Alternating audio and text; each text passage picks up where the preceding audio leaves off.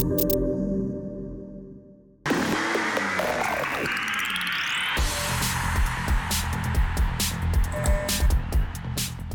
مرحبا لكل عم يتابعوا حلقة هالأسبوع من Pitstop Podcast under MBC Podcast هالحلقة خاصة بال tifosis خاصة بمحبي فيراري لأنه جايين من أرض فيراري مونزا وجائزة إيطاليا الكبرى يلي بننطرها من سنة لسنة جائزة آه، وحدة من أكثر الجوائز ال iconic على آه، على رزنامة الفورمولا 1 آه، لأنه Temple of Speed لأنه مونزا ولأنه فيراري عملوا شيء هال weekend كيفك خليل؟ أنا منيح بالفعل. بعتقد كان weekend ممتاز لفريق فيراري. طبعا في يكون أكثر ممتاز ولكن ال qualifying كانت رائعة. كارلوس ساينز خطف pole position فريق فيراري جلبوا محرك جديد.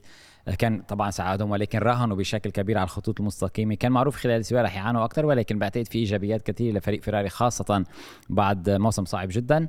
نتيجة جيدة في تقدم ولكن هل رح يبقى تقدم ولا رح نحكي عنها لاحقا؟ ولكن صح على حلبة مونزا أجمل بوديوم بعتقد برايي الشخصي بعالم الفورمولا 1 آه مين ما كان فائز الجمهور الإيطالي كيف يدخل على أرض الحلبة البوديوم فوق خط المستقيم؟ weekend على طول ممتاز هنا بمونزا. مثل ما قلت جمهور مونزا ما بينتسى. يعني بتحس إنه الحب للفورمولا 1 أو بالتحديد هالجمهور لما بيجي لحتى يتابع هالجائزة الكبرى مش كرمال كارلوس ساينز ولا كرمال يمكن بوقتها مايكل شوماخر ولا كرمال ولا كرمال حدا كرمال بس فيراري. فيراري, فيراري هي فخر وطني. آه، فخورين بهالانجاز إذا بدك من إيطاليا وبيعتبروا إنه فيراري هي اللي لازم تربح. وهالحب والعشق للرياضة جاية بس من فيراري. ما بهم مين الشخص. أكيد لأنه هي هي مونزا تعتبر أول شيء حلبة مونزا على فكرة ما غابت ابدا عن بطولة العالم مرة واحدة. يعني هذا الم... هذا موطن الفورمولا 1 بالنسبة للتليان آه على حلبة مشهورة فيراري ربحانه أكثر عليها أكثر من 20 مرة. بعتقد 19 مرة سباق فورمولا 1 20 مرة بالإجمال كسباقات سيارات حلبة محركات. عادة بالسابق كان فريق محرك أو في فريق فيراري أو محركات فيراري بسبب كان على طول أفضل من الأفضل من زمان. آه، فازوا بكمية كبيرة. ولكن هذا هذه أرضهم. يعني في إيمولا. إيمولا مثل ما بنعرف في كمان حلبة للتليان وإلى آخره. ولكن مونزا بتبقى مونزا. مونزا. معروفة هي لأنه ما بدك تنسى كيف كانت الحلبة معمولة بالسابق أسرع حلبة. ما, ما زالت هي أسرع حلبة بالعالم. منا حلبة شوارع ولكن أيضا الحلبة القديمة حواليها مطرح منعطف بارابوليكا وأماكن أخرى آه، حلبة اصبح صار عليها الكثير والكثير وكانت خطيرة جدا ولكن صح موطن فيراري هلا كل قال دومينيكالي إنه وجود جائزتين بإيطاليا هو أمر عم ينحكى فيه. مش عم بيشوف إذا ضروري يبقى في جائزتين بإيطاليا. وبتصور إنه إذا عنده آه، لازم يختار بين الاثنين أو على القليلة جائزة وحدة تكون كل الوقت. بتصور إنه رح تكون مونزا يمكن أكثر من إيميليا رومانيا. صحيح. بعتقد إنه شيء طبيعي ما يكون في آه، اولا في شعبية الفورمولا 1 مثل ما بنعرف هلأ ازدادت بشكل كبير. ولكن دومينيكالي معه حق لأنه حاليا في أكثر من 40 بلد بدهم آه، سباقات فورمولا 1 بالوقت الحاضر. آه، إيطاليا لديها سباقين صعب جدا تبيع التذاكر لسباقين مع إنه الفرق كبير. آه، مونزا بشهر تسعة عندك إيمولا يمكن بشهر أربعة أو خمسة. ولكن مع البلدان الأخرى التي تريد عندك أمريكا عم تزداد شعبية البطولة بأفريقيا ما عندنا ولا أي سباق بجنوب أمريكا عندنا سباق واحد. يعني عليهم ينظروا بال calendar كمان كيف يوسعوه أكثر ولكن سباقين بإيطاليا بدهم يشوفوا بالنسبة للفورمولا 1 هي business بدهم يشوفوا شو المردود الأفضل. والسباقات الأوروبية بتدفع أموال أقل بكثير من السباقات الأخرى. كل شيء من التنظيم لحتى البطاقات كل شيء كل شيء ولكن حلبة ايمولا رائعه حرام نخسرها كمان. ولكن هذا هذا الوضع ما هو هذا اللي قالوا إنه رح يصيروا بركي دي الترنيت يعني سنة بيعملوا ايمولا سنة بلد تاني أو مكان تاني. يعني مش بتختفي كليا عن الحلبة مثل ما هلأ عن رزنامة عفوا مثل ما عم تصير هلأ. ولكن بتصير صح بترجع سنين صارت بالسبب. بعتقد بألمانيا صارت. كان في موسم يكون تكون جائزة ألمانيا الكبرى على حلبة هوكنهايم موسم آخر على حلبة هونجر آه، سوري آه، مش هونجارينج على حلبة نوربرغ رينج ولكن هنا ممكن يحصل نفس الشيء. ولكن بستغرب أنا كيف رح تغيب مونزا كليا أو تغيب موسم كامل مونزا عن رزنامة البطولة لأنه مونزا مكان فيراري مونزا هو صعب صعب نشوف إنه إذا بدها تضل جائزة ايطاليا رح بتكون وقتها بمونزا ولكن خلينا نشوف القرار بيعود لإدارة الفورمولا 1 وكيف يكون عندهم رزنامه مش أكثر من 25 سباق ولكن يزوروا كل الأماكن. هذه رح تكون مهمة صعبة. آه، ابتدى هال weekend بمونزا بخبر تجديد عقود مرسيدس سائقين بمرسيدس يعني لويس هاملتون وأيضا جورج راسل. لويس هاملتون لسنتين جورج راسل كمان لسنتين ولكن حكى أكثر بال contract تبع لويس هاملتون يلي يقال إنه رح يكون الأعلى اجرا.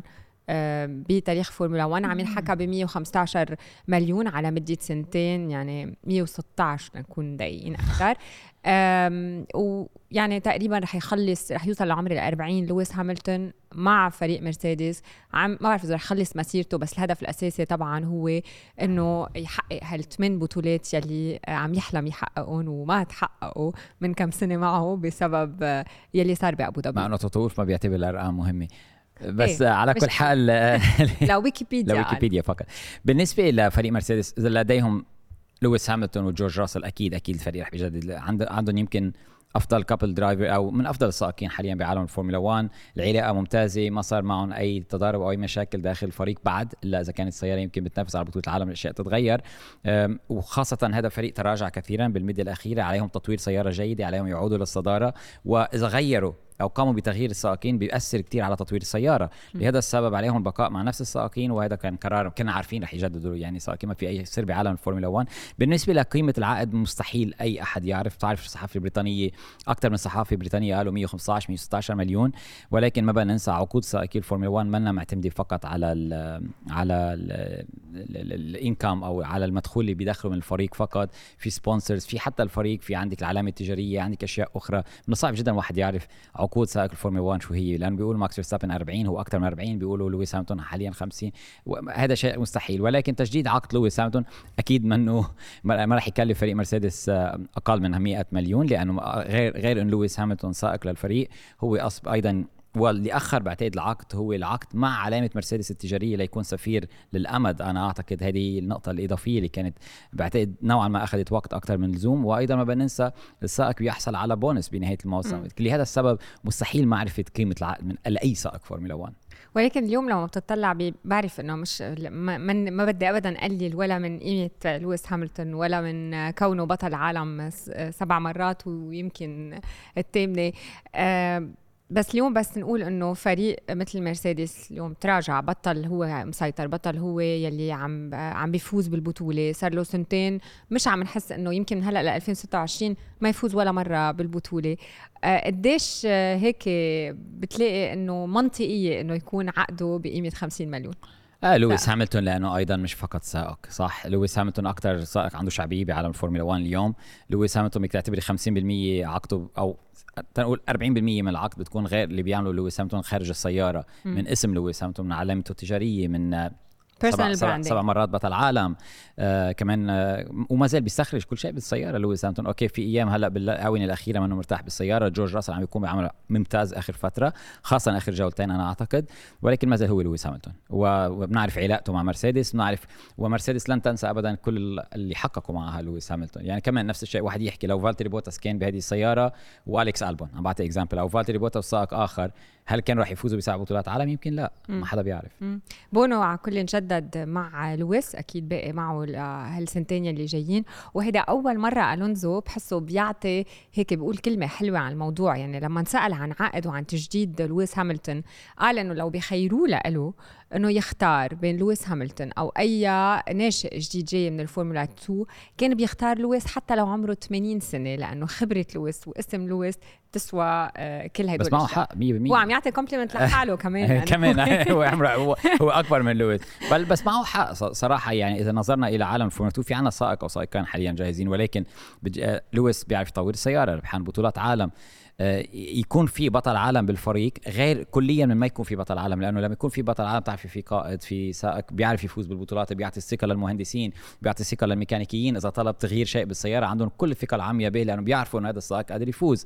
غير ذلك للفريق ما بننسى الفورمولا بضلني اعد اقولها إنه هي بزنس مش فقط آه، رياضة.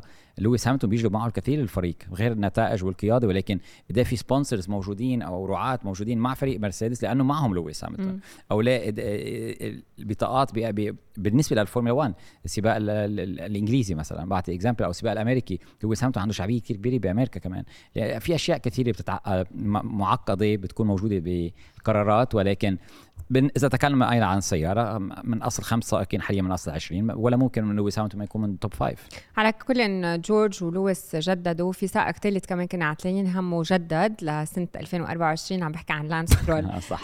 تم. الفريق جدد له اعلن الفريق إنه لانس سترول مستمر مع الفريق لعام 2024 آه إيه. آه بالنسبة للانس سترول ما بننسى الوالد بيملك الفريق القرار عندهم ولكن بعتقد عم بيتعرض فريق أستون مارتن لضغوطات كبيرة خاصة الوالد لأنه حاليا بطل الوالد يمكن من هيك أعلنوا هلأ شوي على بكير إنه لانس سترول مستمر لأنه عادة بينطروا لآخر دقيقة ما حدا بيحكي بالموضوع. صح. هيدي السنة قد ما طلع إشاعات عن لانس سترول إنه بده ينتقل للتنس وبده يعتزل وكل هالأشياء أعلنوا هلأ إنه لا مستمر مع الفريق صراحة أداء أداء سترول مخجل مخجل جدا جدا جدا. شوفي أين فرناندو ألونسو طوال الوقت الفارق كبير جدا. وأنا كنت من بداية الموسم على على طول أقول أي متى أو متى رح تحصل مشكلة بين والد لانس سترول وفرناندو ألونسو؟ ولكن ما عندهم أي حجة الآن لأنه بالسابق كان بيلاقوا حجة إنه ما عم بي... بيلاقوا 100000 شباب ولكن الفارق كبير جدا الفارق شاسع بين لانس سترول وفرناندو ألونسو اسكتهم ألونسو وحاليا بعتقد أنا أكيد لورنس سترول اللي هو والد سترول يلي أكبر مالكي الفريق ولكن منه لحاله مالك الفريق. في عندهم مالكين آخرين لما ندخل بالديت بالتفاصيل ولكن رح يسأل. إلى متى؟ لأنه عندنا سيارة عم بتجيب نقاط، عندك سائق جلب أكثر من 80% من نقاط الفريق، والفريق عم ينافس على بطولة العالم للسائقين والصانعين وتراجع، فيراري تفوقت على أستون مارتن هذا الأسبوع. من من من بداية الموسم أستون مارتن كان ثاني، تراجع على المركز الثالث وحاليا تراجع على المركز الرابع، طيب لو سترول عم بيجيب نصف نقاط فرناندو ألونسو كانوا بمكان آخر، أنا أكيد حتى حتى لورنس سترول رح رح يبدأ يسأل نفسه نفس السؤال، هل اللي صاير حاليا؟ مشكلة بالنسبة لأنه هذا الفريق ينافس على بطولة العالم بده يكون تفكيره مختلف. على كل صار في حديث كتير مؤخرا بالفورمولا 1 وال FIA وعن هال budget cap وكيف بدهم يشتغلوا على إنه يبطل في سائقين موجودين بس بطل بالوقت الحاضر من وراء أموالهم. بعتقد في فقط في ثلاث سائقين. جو لأنه جلب معه كمية مادية كبيرة والفريق عم بفكر حاليا إنه أودي مستحوذ عليه. عنا سارجنت. لورنس وسارجنت. وسارجنت. ولو سترول لأنه الوالد. وسارجنت. بس حاليا الشيء جميل بالفورمولا 1 صراحة هذه القوانين الجديدة عم تعمل هنا. بغير التقنية ولكن عم نتكلم عن القوانين خلص لأنه وصلت قيمة فريق الفورمولا 1 للبيليون للمليار تقريبا. الفريق بطل بحاجة ليجلب سائق ليعطيه أموال ليقود عندهم. بالعكس صار فريق الفورمولا 1 اللي ما له حق يصرف أكثر 105 خلص وصلوا ل budget cap. هذا شيء عم بيساعد إنه يكونوا كل فرق الفورمولا 1 عندهم بالفعل أفضل 20 سائق بالعالم وإن شاء الله نوصل لهذا الشيء قريبا جدا. كل أسبوع بنحكي بمين لازم يطلع الفورمولا 1 مين لازم يبقى. آه خلينا نرجع نبلش بفيراري لأنه مش معقول نحكي هيك ما نحتفل مع محبي فيراري بهال weekend يلي كان جيد جدا بالنسبة لهم آه من من أول نهار يعني من بداية ال weekend ساينز بلش يحكي إنه مش عم يعرف من وين إجت السرعه من وين إجت سرعه فيراري هالأسبوع؟ أه بالنسبة لفريق فيراري سيارتهم سيئة جدا بال downforce مثل ما بنعرف. يعني المفروض هذا النوع من الحلبات بيناسبهم. ما بننسى هن حصلوا على ال pole position صحيح حصلوا على ال pole position بأذربيجان. كل حلبات اللي فيها خطوط مستقيمة فيراري كانت موجودة. لديهم محرك ممتاز فريق فيراري لديهم شحن الطاقة جيد جدا بسيارة أو ال power unit فيراري هذا الأسبوع جلبوا power unit جديد أو يعني مش بالكامل ولكن جلبوا محرك جديد MGU-K جديد MGU-H جديد كل شيء جديد حضروا نفسهم بالفعل مونزا أمام التيفوزي ليكون عندهم أفضل performance لديهم هذا الموسم وركزوا بشكل كبير على الخطوط المستقيمة. إذا نظرنا إلى الجناح الخلفي اللي كان موجود على سيارة فيراري مقارنة بريد بول جناح أصغر بكثير فريق فيراري ركز على الخطوط المستقيمة استخرجوا كل شيء كانوا أفضل من ريد بول ولكن ريد بول تركيزهم كان على أكثر على المنعطفات. نوعا ما لأن ريد بول فيهم يضحوا فيهم يضحوا downforce ما عندهم مشكلة. آه ركزوا على المنعطفات وهنا أتى أتى الفارق خلال السباق. خلال ال qualifying آه كان ممتاز. كارلوس ساينز صراحة استخرج لفة ممتازة تفوق على لوكلير استفاد من slipstream لوكلير ما كان عنده سيارة أمامه ليستفيد من نفق الهواء وغير ذلك وماكس فيرستابن ما كان ولكن كارلوس ساينز كان مرتاح طوال ال weekend كان أفضل من لوكلير وحتى لوكلير أجبر أن ينسخ من ساينز بعد التعديل مش تعديلات ولكن ضبط السيارة. م. غير ذلك ولما وصلنا للجائزة الكبرى. فريق فيراري بدأ هنا يدفع الثمن لأنه لما يكون تركيز كبير على الخطوط المستقيمة لما يوصلوا إلى المنعطفات بصير السيارة تنزلق شوي يمين ويسار وهنا تتآكل تتآكل إطارات. وسمعنا بعد الجائزه الكبرى ماكس فيرستابن قال له لكارلوس ساينز والله كنت إنه كان كان عطلان همه بالانزلاقات اللي حصلت. ولكن بس نجحت مع فيراري. وين وين كانت فيراري بجائزة بجائزة هولندا الكبرى. كانوا ولا أي مكان. وفيراري عليهم لما تأتي فرص مثل هذه الفرص عليهم يخطفوها لأنه ما راح تحصل كل مكان لأنه ما زالت سيارة فيراري تعاني بال downforce وتعاني بالمنعطفات ولكن لما نذهب إلى حلبات فيها خطوط مستقيمة طويلة فريق فيراري عليه يستفيد ويسجل هذه النتائج وحاليا تفوقوا على أستون مارتن بنقاط بطولة العالم.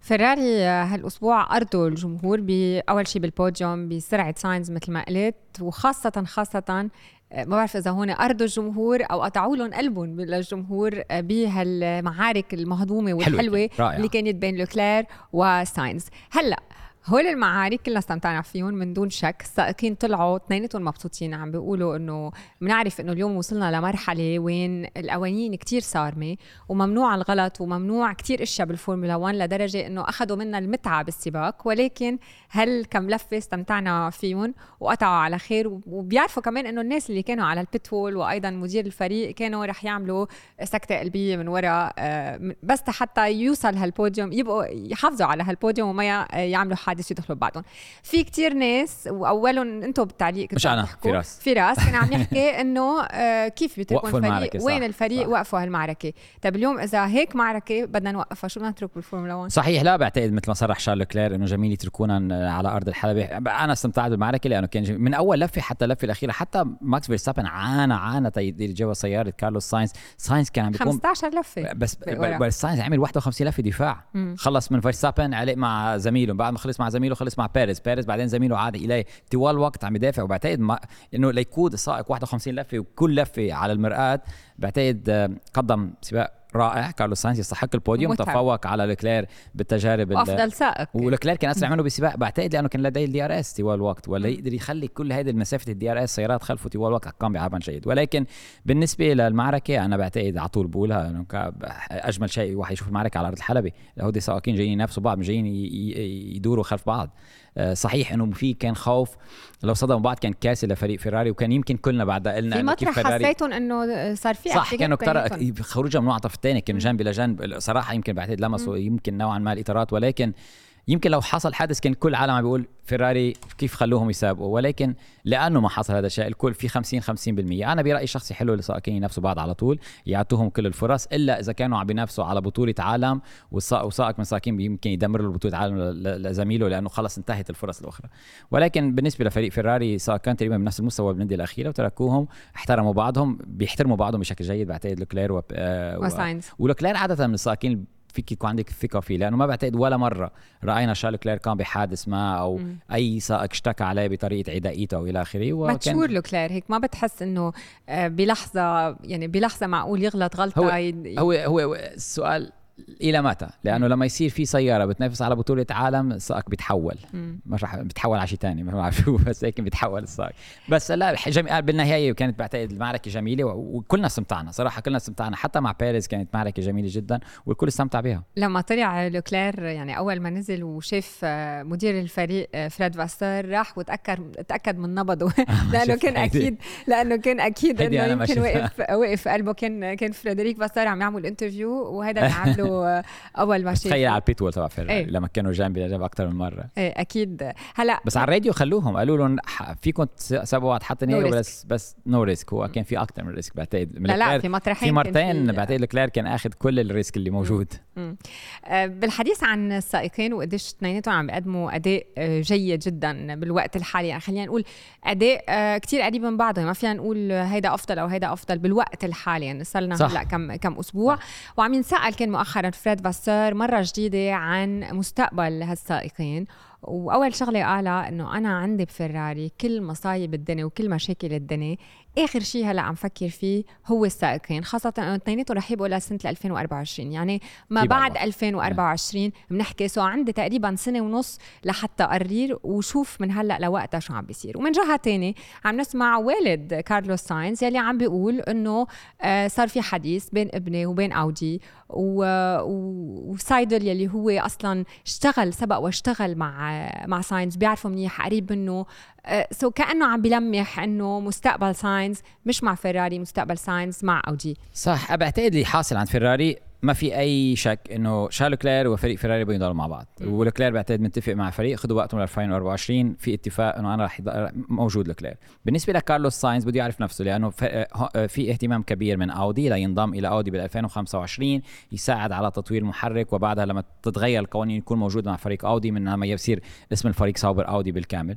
سايدل مثل ما ذكرتي عمل مع ساينز بيعرف ساينز يريد ساينز ولكن بالنسبة لكارلوس ساينز بده يعرف نفسه. بده يقول له عم بيقول له لفيراري إذا ما بدكم تجددوا عقدكم خلينا أعرف بدي أروح عند اودي وبطريقة غير مباشرة عم يضغط على فيراري إنه جددوا لي عقدي.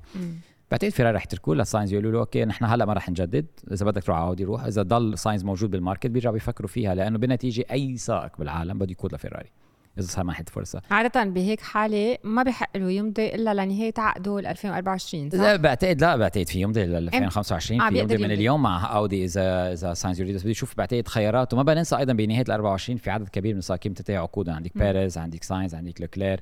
بس أنا متأكد مليون بالمية إنه كارلوس الاتفاق بين لوكلير وفيراري مضمون. وبينتظر الانتظار هو على قضية كارلوس ساينز لأنه هو كارلوس ساينز هو اللي عم بيضغط انه في اودي موجودة بالديانة وما بننسى أنه اودي كمان عم بيطلعوا بال market إذا ما ساينز بيجيبوا حدا تاني.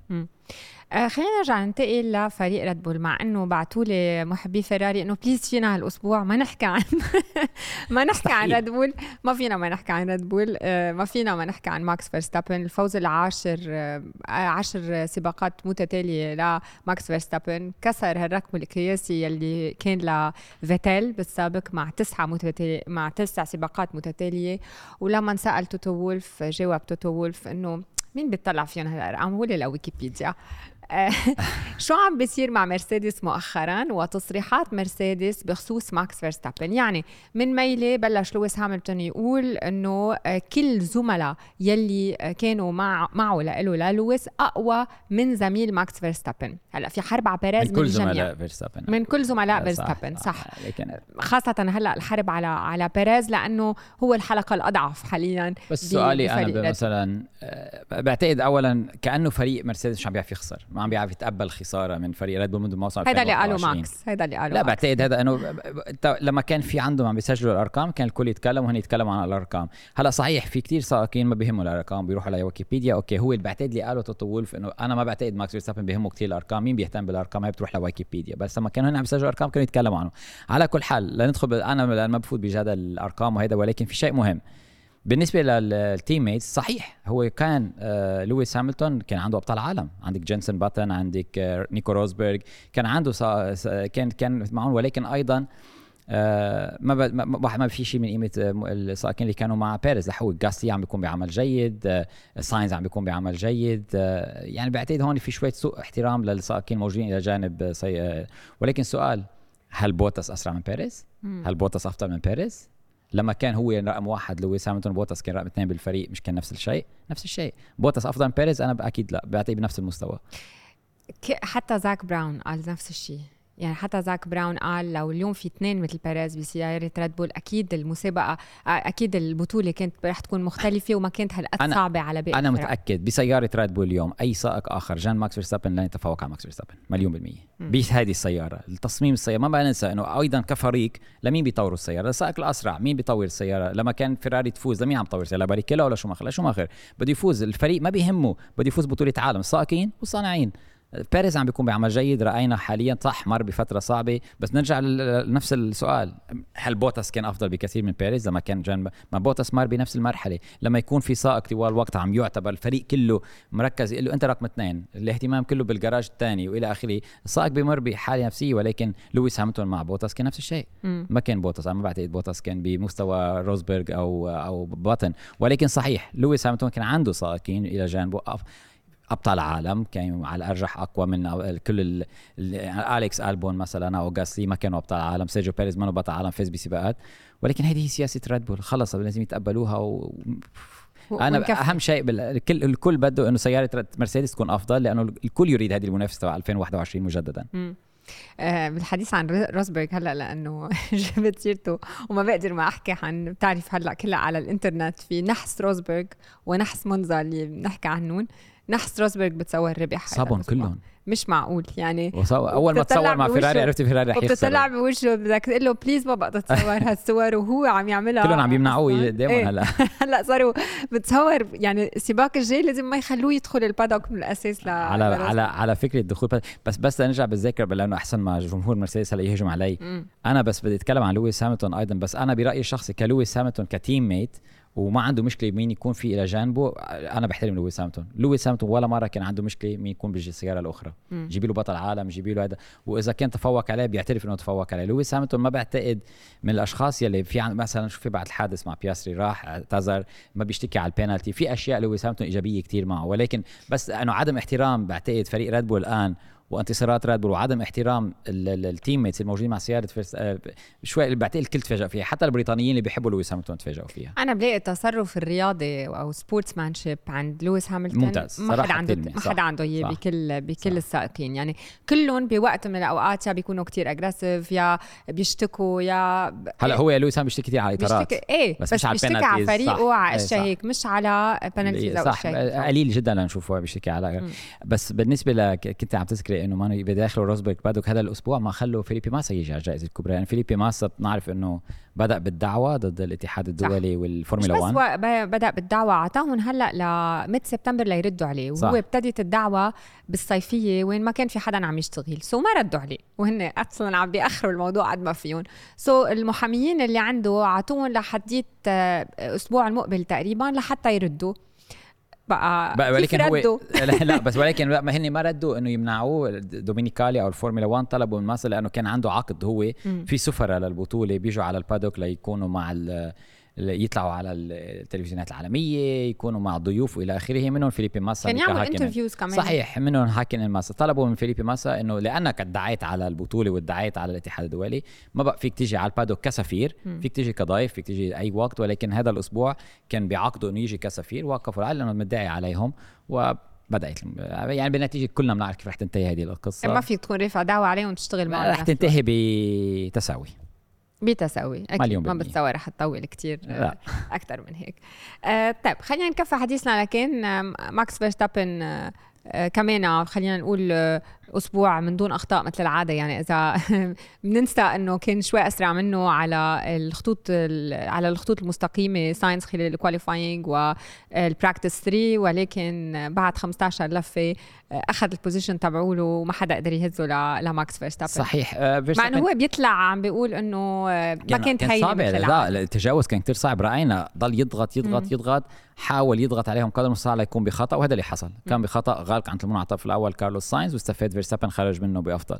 ولكن ريد بول كانوا عارفين لديهم سيارة أسرع. أول ما يمروا من سيارة فيراري أو حتى لو عملوا undercut أو overcut عندهم السرعة الكافية ليردوا عليهم بالتجاوز. ولكن كانت معركة جميلة جدا. الفيراري عملوا عمل جيد مثل ما رأينا على الخطوط المستقيمة. ولكن فيرستابن وريد بول كانوا عارفين منذ يوم السبت إنه سيارتهم سيارة سباق أكثر الإطارات رح تساعدهم أكثر وفيرستابن ممتاز جدا على الإطارات. إذا في تفوق كبير بين هو اللي حاصل اليوم بين فيرستابن وبيريز هو تعامل فيرستابن مع إطارات بيريلي تعامل ممتاز لفيرستابن عمل اطاراته وضغط وقت اللزوم وعاشر فوز على التوالي. وبعد رح بيزيدوا لأنه الحلبات المقبلة بتناسب سيارة ريد بول إذا كفى بهالطريقة بيحصل على البطولة باليابان تحسم باليابان؟ حسب بعتقد نتائج بيريز صح؟ نت... حسب من وين نتائج بيريز. إذا بيريز انهى بالمركز الثاني بجولتين بجولة سنغافورة وفاز حسب بعتقد. بس ولكن رح يحصل عليها؟ إذا مش باليابان بقطر. إذا مش بقطر ب هو حلو إذا إذا بتبقى شوي. هو حصل عليها الموسم الماضي باليابان صح؟ باليابان فاز بالبطولة الموسم الفائت إيه ممكن تكون قبل حسب.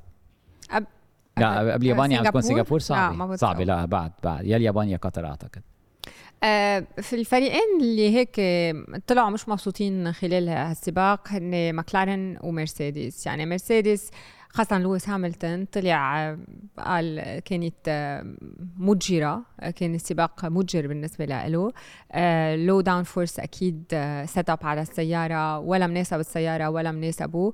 آه، نفس الشيء بالنسبة لجورج يلي يعتبر إنه آه، هيدا أفضل شيء كان كان راسل كان يعمله. طوال السباق إيه, إيه وماكلارين كمان اثنيناتهم يعني نورس وبياستري يلي صح. كمان آه مثل ما سبق وقلت يعني يلي صار مع بياستري آه روح له السباق نوعا ما روح له نقاط واللي حصل مع بياستري أيضا ال undercut اللي كان فيه فريق under آه، ماكلارن مع زميله تفوق م. عليه بال undercut ما بعرف ليك قرروا يوقفوا نورس قبل بياستري ولكن على كل حال بياستري خسر نقاط بسبب الحادثة اللي حصلت مع, مع هاملتون, هاملتون. واعتذر منه هاملتون بعد مف... بعد السباق نزل من سيارته مباشرة هاملتون يعتذر. هذا عم تكلم عنه على لويس هاملتون sportsmanship. بالنسبة لفريق أستون مارتن وفريق ماكلارن وفريق مرسيدس هذه النوع الحلبات ما بيناسبهم. الحلبات اللي فيها منعطفات و downforce أكثر بتناسبهم أكثر يعني سنغافورة بتناسبهم أكثر عندك بعدين القطر ممكن ولكن ولكن غير ذلك أو اليابان ولكن بعتقد كلهم قاتلوا ليصح يحصلوا maximum نقاط فريق مرسيدس عليه يكون فرح لأنه بعتقد السياره كانت ضعيفة جدا. الجمعه مرسيدس كانت سيئة سيئة جدا. طورت السياره ليوم السبت. هاملتون بدنا نذكر ما تأهل حتى لل Q3 راسل كان بلفه ممتازة. أنا مش عارف جورج راسل كيف كان بيقعد يلف لأنه سيارتهم على الخطوط المستقيمه ابطا سيارة. ولكن هذا ال maximum نقاط لازم يحصلوا عليه. فريق مرسيدس مثل ما بنعرف هذا النوع من الحلبات ما بيناسبهم والعمل جاري. بعتقد كل هذه الفرق ما عدا أستون مارتن نسيوا هذا الموسم والتركيز كله للموسم المقبل. الكسندر البون السنة الماضية آه، بينت معه الزايده واضطر يطلع من السباق. وهيدي الغرفة اللي حطوه فيها قال please غيروها شيلوها مش قادر نفس الفندق نفس الغرفة. مش قادر أشوفها. ولكن آه، كان الأسبوع جيد جدا له مثل ما كنا عم نحكي الأسبوع الماضي إنه ويليامز بتقدم أسبوع عن أسبوع وخلص كمان هالأسبوع بالمركز السابع.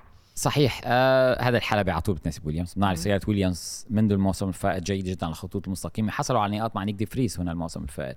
عارفين هذه السيارة ستناسب هذه الحلبة خاصة آتين بإيجابيات كثيرة من جائزة هولندا الكبرى. فريق ويليامز بعتقد سارجنت مفروض كان يكون بنقاط صراحة. سارجنت مرة جديدة weekend مخيب للأمال ولكن ألبون كان موجود. حصل على مركز ممتاز داخل النقاط. سجل نقاط مهمة جدا للفريق وهذا الفريق عم بيوسع الفرق حاليا بالمركز السابع ببطوله الصانعين مهمه جدا ببطولة الصانعين ومركز مهم جدا بالنسبة لفريق الويليامز ببطولة الصانعين من بعد التراجع اللي حصل بالسنين الماضية وهذا الفريق تقدم. لوسن لوسن عم بيقدم أداء ولا أروع. هيدا اول هيدا أول سباق بيكون عم بيشارك بكل شيء خلال هاي ال Grand Prix من التجارب. يعني فعليا هيدا أول مرة خلينا نقول إنه هالسائق الناشئ بيقدر يكون يعني يتصرف كأنه سائق فورمولا 1 خلال كل ال weekend. وأدى أداء ولا أروع صراحة بالنسبة صحيح. لحدا جديد وعم يتعلم الأشياء والأحلى من هذا كله إنه هيك بس طلع قديش متواضع. يعني واحد محله كان المفروض يكون عم بنط قد ما مبسوط من من من أدائه كان عم بيقول إنه فينا نعمل أحسن وجربت قد ما فيي وبتصور لأنه عارف إنه المرحلة اللي هو فيها هلأ لكم أسبوع. الظاهر إنه بتصور إنه السباق آه، الجاي كمان رح آه، يكون. أكيد ما بعتقد ريكاردو عم يحكى عنه ريكاردو لقطر. الكبرى minimum بالنسبة للوسن بعتقد مثل ذكرتي بعتقد تأهل بفرق 10 من الثانية عن زميله و20 من الثانية. كان موجود كان على طول قريب من سنودا عم يتقدم عم يتعلم السيارة بشكل سريع جدا عم بيتطور عم بيطور مستواه وعليه فقط يلفت النظر الآن. بالنسبة مش يلفت نظر أي مكان بس يعطي يفرجي فريق الريد بول إنه هو جاهز أو إدارة فريق الريد بول إنه هو جاهز يقفز بسيارة ألفا تاوري إذا أخذوا قرار ينقلوا أي سائق من ألفا تاوري لريد بول بالمستقبل. السؤال شو رح يعملوا مع لوسن بالموسم المقبل؟ لأنه على الأرجح رح بيكون في ريكاردو و تسونودا بسيارة الألفا تاوري بيريز مؤكد 100% رح يضل ب 2024 بالريد بول حسب ما هن بيقولوا. لازم يلاقوا له مقعد للوسن أو بيقعد سنة كاملة مرة جديدة خارج السيارة. آه على كل الفا تاوري عندهم بس ثلاث نقاط هن الأخيرين بالترتيب يعني منا سنه منيحه ابدا لهالفريق فريق ألبين كمان آه، يعني هذا weekend للنسيان weekend للنسيان ما بعد لليوم مش عارف لانسحب أوكن ما طلعت صراحة انسحاب أوكن. السياره كانت بطيئة جدا بعتقد الخطوط المستقيمة ضعف نقطة ضعف قوية جدا. ويمكن بالفعل عندهم معاناة مع أجهزة الطاقة أو محرك سيارة الالبين اللي هو محرك رينو. و weekend للنسيان هذا ال weekend جاسلي كان على البوديوم بال من zero من من hero ل zero بأسبوع واحد فقط. من الأشياء كمان خليل اللي صارت آه، هيدا ال weekend خاصة هيك من بعد السباق هيدي صارت سنة الماضي بإيطاليا ورجعت السنة ولكن مع ساينز ساينز تعرض للسرقة. صح. آه هو وعم هو موجود بميلان قدام الأوتيل ولكن على السريع قدروا يرجعوا الشرطة ياخذوا الساعة يرجعوا له إياها بعتقد هو اللي مثل ما سمعت أو فهمت على تويتر إنه هو, هو؟ اللي رجع استعاد هو مش الشرطة؟ بعتقد هيك الشرطة سمعت. الشرطة إيه قبضوا هي قتل في فيديو نازل إنه الشرطة وصلت بس هن بس بعتقد هو رجع استعاد أو ركض وراء أو هو وفريقه أو هو الأشخاص اللي كانوا معه استعادوا الساعة وتواصلوا مع الشرطة أو شيء من هذا النوع. ولكن في هجوم على الساعات. السنة الماضية صارت مع لوكلير وبال 2020 صارت نفس الشغلة بويمبلي مع مع آه نورس أوروبا والساعات صار قصة جديدة مش معقول لا بس شو هينا يعني؟ كيف كيف واحد ما بحس هيك بيشيلوا له الساعة آه. من إيده وبيمشوا؟ مش مجربة صراحة. تساليني لا نحن مرة انسرقنا ببلجيكا. أنا ما انسرقت. إيه بس هيك مش إنه ساعة بس انسرقنا كثير مشينا تحت الطاولة. كثير بتصور هيك عندهم موهبة بالسرقة بهالبلدان.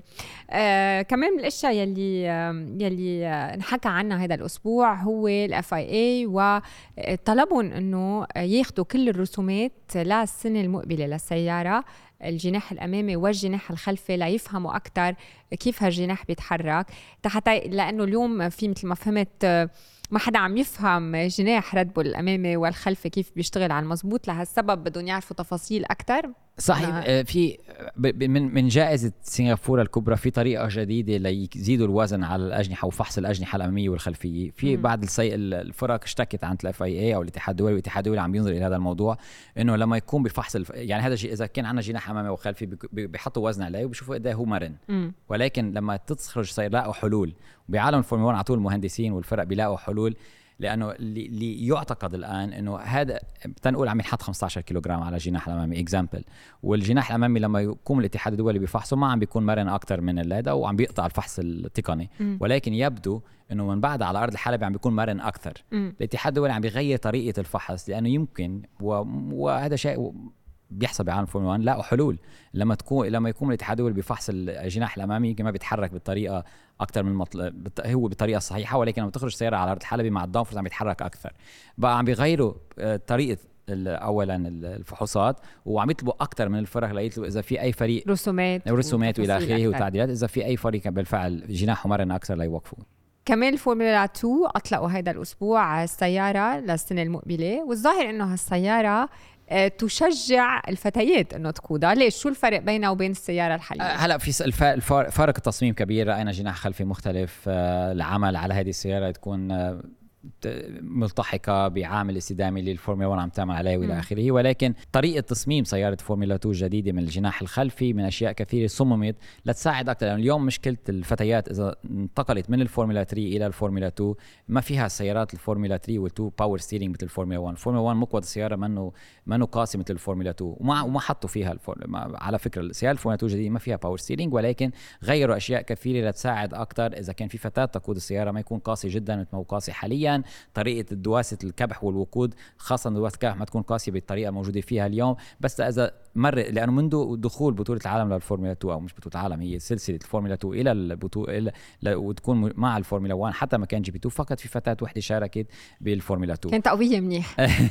هي ما, ما يعني أنا برأيي الشخصي إنه أي فتاة فيها تقود سيارة ولكن في في أشياء بدنية صعبة جدا وبتسهل فقط الأمور خاصة إنه صار عندنا ال F1 Academy من بعد ما تخرج فتيات من ال F1 Academy وتذهب للفورمولا 3 بعدها الخطوة المقبلة فورمولا 2 لتكون الخطوة أسهل من ما هي وقت الحال ليساعدوا أكثر وصول الفتيات إلى الفورمولا 1 لأن الفورمولا 1 فيها power steering وطريقة دواسة الوقود مختلفة وإلى آخره. وغير ذلك في عم نتكلم عن وقود الاستدامي حتى موسم 2026 ما بننسى الفورمولا 2 هي عم تطور هذا الوقود بطريقة أسرع من الفورمولا 1 الفورمولا 1 من 2026 تكون عندها وقود مستدام شركة أرامكو هي اللي عم تساعد بذلك وأشياء كثيرة لهذه السيارة لتكون أيضا مقتربة أكثر لأنه ببطولة الفورمولا 2 صح عندنا تجاوزات كثيرة لأنه نفس السيارات ما لأنه السيارات ما بتفرق عن بعضها مثل الفورمولا 1 في فرق مختلفة. ولكن أيضا تم تصميم الجناح الامامي تم تصميم الأنف بطريقة مختلفة للسياره تتحد بعدها أكثر وتعطي فرص تجاوز أكثر. من الأشياء اللي حكيت عنها ال FIA هالأسبوع والقانون اللي كان موجود خلال هال weekend وسمعنا عنه بركي بنفسره شوي أحسن خلال التجارب التأهيلية هي السرعه القصوى للفة يلي هي ما المفروض تكون أكثر من دقيقة أو 41 ثانية لحتى ما يصير في ازدحام مثل ما بيصير عادة. صحيح يعني منذ كلنا بنعرف نتذكر موسم 2019 2019 بتذكر لما كلهم خرجوا وانتظروا بعضهم ليستفيدوا من عامل السحب وال tow من السيارة اللي امامهم الكل صار منتظر منتظر منتظر وبالنهاية ما ولا أي سيارة مرت من خط البداية النهائي وأكمل لفتهم الأخيرة. يقولون حل. وهو عامل خطر. بقى لقى لقى حل مدير السباق إنه من بين خط ال safety car الأول يلي هو قبل خط البداية النهائي إلى خط ال safety car الثاني بلفة كاملة. ممنوع تكون اللفة أقل من دقيقة 41 ثانية. يعني فيك تبطئ فيك تحضر حالك ولكن إذا كانت أكثر من واحدة دقيقة أو 41 ثانية أو 100 ثانية بتحصل على عقوبة. يعني أنت كنت بطيء جدا وممكن تكون سببت خطورة على السيارات خلفك. بعتقد نجحت بال Q3 كان الأمر أوكي ولكن فريق فيراري كان تحت تحقيق بال Q1 ولكن فيراري لاقوا حل لهذا القانون. كل قانون بتحط بيحطوا الاتحاد الدولي آه، في له نقطة رمادية وفريق فيراري اللي كان تحت التحقيق على فكرة والكل كان عم يتكلم هل بالفعل كارلوس سانز رح يضل بال pole position ولوكلير مركز رح يحصل عقوبة ولكن الاتحاد الدولي فيراري رد لاقوا حل إنه بضل في نقطة مهمة إنه لما السيارة بتخلي سيارة أخرى تمر عليها التبطيء، يعني لاقوا حل إنه ما تعطونا بينالتي لأنه صح إنه في قانون بيقول دقيقة 41 ثانية ولكن بنفس الوقت في قانون بيقول فيك تخفف أكثر من المطلوب لتخلي سيارة أخرى تمر وهيديك فيراري آه، ما حصلوا على عقوبة. ولكن أنا أكيد للسباقات القادمة إذا في مثلا مثل سنغافورة ممكن نلاقي هذا المش المشكلة بيكون ولكن من الخط ال safety car الأول للخط الثاني على طول في في يستعملها مدير السباق. ال legal team شو بيشتغل بالفورمولا 1 آه، بعد هي بدأ مدير رياضي جيد. إيه فعلا. بعض الأسئلة خليل آه، ساينز ولوكلير ولا مرة ربحوا بطولة من قبل. كيف سائقين ولا مرة ربحوا بطولة؟ معقول يقدروا يطوروا سيارة لتوصلهم لربح البطولة؟ بعتقد في كثير بيتكلموا إنه فريق فيراري أول مرة من دائما طويل طويل ما في عندهم بطل عالم بالفريق. آه، صحيح آه، فريق فيراري بالكامل مش فقط شارل لوكلير وكارلوس ساينز. آخر مرة فاز بطولة عالم فريق فيراري أكثر من 15 سنة. المشكلة أيضا هذا الفريق من ميكانيكيين من مهندسين. كم ميكانيكي أو كم مهندس داخل جراجات عندهم بطولة عالم عندهم الثقه ولكن أول ما يحصلوا على أول وحدة رح يخلصوا منها بتع... ب...